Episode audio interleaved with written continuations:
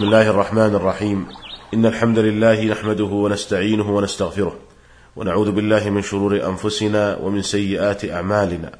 من يهده الله فلا مضل له ومن يضلل فلا هادي له. وأشهد أن لا إله إلا الله وحده لا شريك له. وأشهد أن محمدا عبده ورسوله صلى الله عليه وعلى آله وصحبه وسلم تسليما كثيرا. أيها الإخوة المستمعون السلام عليكم ورحمة الله وبركاته. لا يزال الحديث موصولا عن أهل الزكاة وكنا قد وصلنا إلى الصنف الخامس وهم الرقاب. لقول الله تعالى وفي الرقاب والرقاب جمع رقبة والمراد بها الأرقاء فتصرف الزكاة في الأرقاء. وهم المكاتبون الذين اشتروا أنفسهم من أسيادهم وهو مأخوذ من الكتابة لأن هذا العقد تقع فيه الكتابة بين السيد والعبد. ولكن قد انقطع الرق في العصر الحاضر فلم يعد الرق موجودا وقد أصبحت القوانين الدولية تمنع من الرق وكذلك جميع دول العالم تمنع رسميا من الرق. ولكن قال أهل العلم إنه يأخذ حكم الرقيق في هذه المسألة الأسير المسلم. فيجوز أن يشترى من الزكاة ما يفك به الأسير المسلم. قال الموفق بن قدامة رحمه الله يجوز أن يشترى بها أسيرا مسلما نص عليه الإمام أحمد لأنه فك رقبة من الأسر فهو كفك رقبة العبد من الرق ولأن فيه إعزازا للدين فهو كصرفه إلى المؤلفة قلوبهم ولأنه يدفعه إلى الأسير في فك رقبته. أشبه ما يدفعه إلى الغارم لفك رقبته من الدين. والأسر تارة يكون بالقتال وتارة يكون بالاغتصاب وهو ما يسمى في الوقت الحاضر بالاختطاف. فمن اختطف فهو أسير يفك من الزكاة. الصنف السادس من أصناف أهل الزكاة الغارمون. والغارمون ينقسمون إلى قسمين غارمون لإصلاح ذات البين وغارمون لأنفسهم.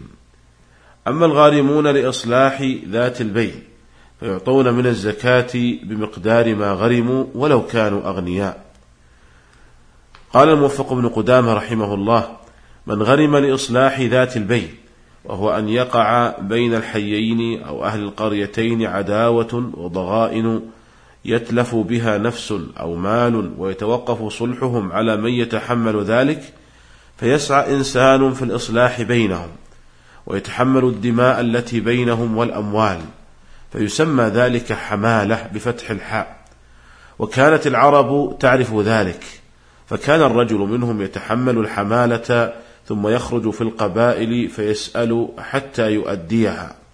فورد الشرع بإباحة المسألة فيها وجعل لهم نصيبا من الصدقة. فروى مسلم بإسناده عن قبيصة بن مخارق قال تحملت حمالة فأتيت النبي صلى الله عليه وسلم وسألته فيها فقال أقم يا قبيصة حتى تأتينا الصدقة فنأمر لك بها. ثم قال يا قبيصة إن الصدقة لا تحل إلا لثلاثة رجل تحمل حمالة فيسأل فيها حتى يؤديها ثم يمسك. ورجل أصابته جائحة فاجتاحت ماله فحلت له المسألة حتى يصيب سدادا من عيش أو قال قواما من عيش ورجل أصابته فاقة حتى يشهد ثلاثة من ذوي الحجى من قومه لقد أصابت فلانا فاقة فحلت له المسألة حتى يصيب سدادا أو قال قواما من عيش وما سوى ذلك فهو سحت يأكلها صاحبها سحتا يوم القيامة. ولكن الغارم لإصلاح ذات البين إنما يعطى من الزكاة إذا التزم للطائفتين المتنازعتين ولم يوف من ماله فهنا ذمته مشغولة وحينئذ يعطى من الزكاة. وهكذا إذا وفى من ماله بنية الرجوع على أهل الزكاة فيعطى من الزكاة لئلا يسد باب الإصلاح. وقد قال الله تعالى لا خير في كثير من نجواهم إلا من أمر بصدقة أو معروف أو إصلاح بين الناس ومن يفعل ذلك ابتغاء مرضات الله فسوف نؤتيه أجرا عظيما. أما إذا كان هذا الذي قد دفع من ماله لإصلاح ذات البين قد دفع بنية التقرب إلى الله تعالى فإنه لا يعطى من الزكاة لأنه أخرج هذا المال لله تعالى فلا يجوز له الرجوع فيه. وهكذا إذا دفع من ماله ولم يكن بباله الرجوع على أهل الزكاة فإنه لا يعطى من الزكاة. الصنف الثاني من الغارمين الغارمون لأنفسهم وذلك بأن تلحقهم ديون وهم عاجزون عن سدادها ولا بد من أن تكون هذه الديون حالة وأن يعجزوا عن سدادها وليس كل مدين تحل له الزكاة. وأكثر التجار في الوقت الحاضر عليهم ديون والتزامات. ولهذا فإن المدين الذي تحل له الزكاة هو المدين الذي حل عليه الدين وهو عاجز عن سداده. وهل يجوز أن نذهب إلى الدائن وأن نعطيه الزكاة سدادا عن ذلك المدين من غير أن نملك المدين هذه الزكاة؟ الجواب نعم يجوز ذلك لأن الله تعالى قال إنما الصدقات للفقراء والمساكين فأتى باللام الدالة على التمليك ولهذا لا بد من تمليك الفقراء والمساكين الزكاة. هذا هو الأصل في ذلك. وأما بالنسبة للرقاب والغارمين قال وفي الرقاب والغارمين فلم تأتي اللام الدالة على التمليك وإنما أتت في بحرف الجر والتقدير وفي الغارمين وحينئذ يجوز أن ندفع الزكاة إلى الدائنين مباشرة. ولكن هل الأولى أن نسلم الزكاة للغارم ونعطيه إياها ليدفعها إلى الغريم أو ندفعها للغريم مباشرة؟ الجواب نقول في هذا تفصيل. إذا كان الغارم ثقة حريصا على وفاء دينه فالأفضل إعطاؤه إياها ليتولى الدفع عن نفسه حتى لا يخجل ولا يذم أمام الناس. أما إذا كان يخشى أن يفسد هذه الدراهم فإننا لا نعطيه إياها بل نذهب إلى الغريم مباشرة ونسدد دين هذا الغارم. وإذا مات إنسان وعليه ديون فهل يجوز أن تسدد ديونه من أموال الزكاة؟ أما إذا كان له تركة فهو غني بتركته ويجب على الورثة أن يدفعوا الزكاة من هذه التركة. لكن إذا لم يخلف تركة تفي بسداد تلك الديون فهل يجوز أن يسدد أن تسدد ديون هذا الميت من أموال الزكاة؟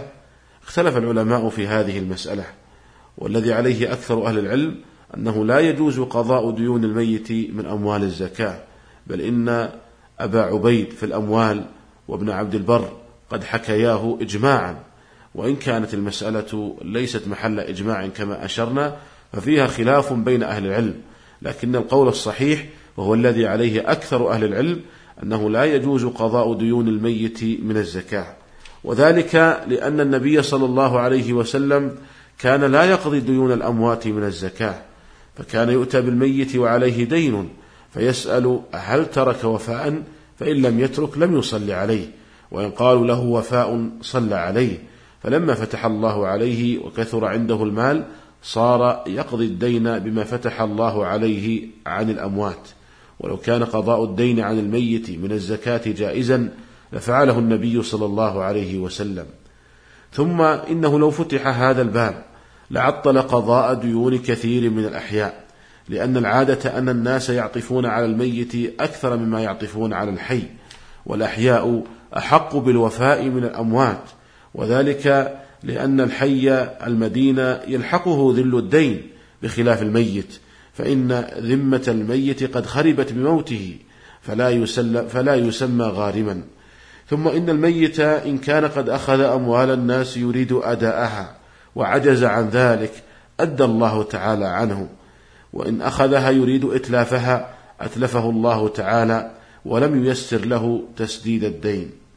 ثم إن فتح هذا الباب ربما يفتح باب الطمع والجشع من الورثة فيمكن أن يجحدوا مال الميت ويقول هذا مدين. ولهذا فالأقرب والله أعلم ما ذهب إليه جماهير الفقهاء من أنه لا تسدد ديون الميت من الزكاة وإنما هذا خاص بالغارمين الأحياء. أيها الإخوة المستمعون هذا هو ما اتسع له وقت هذه الحلقة ونلتقي بكم على خير الحلقة القادمة إن شاء الله تعالى. والسلام عليكم ورحمة الله وبركاته.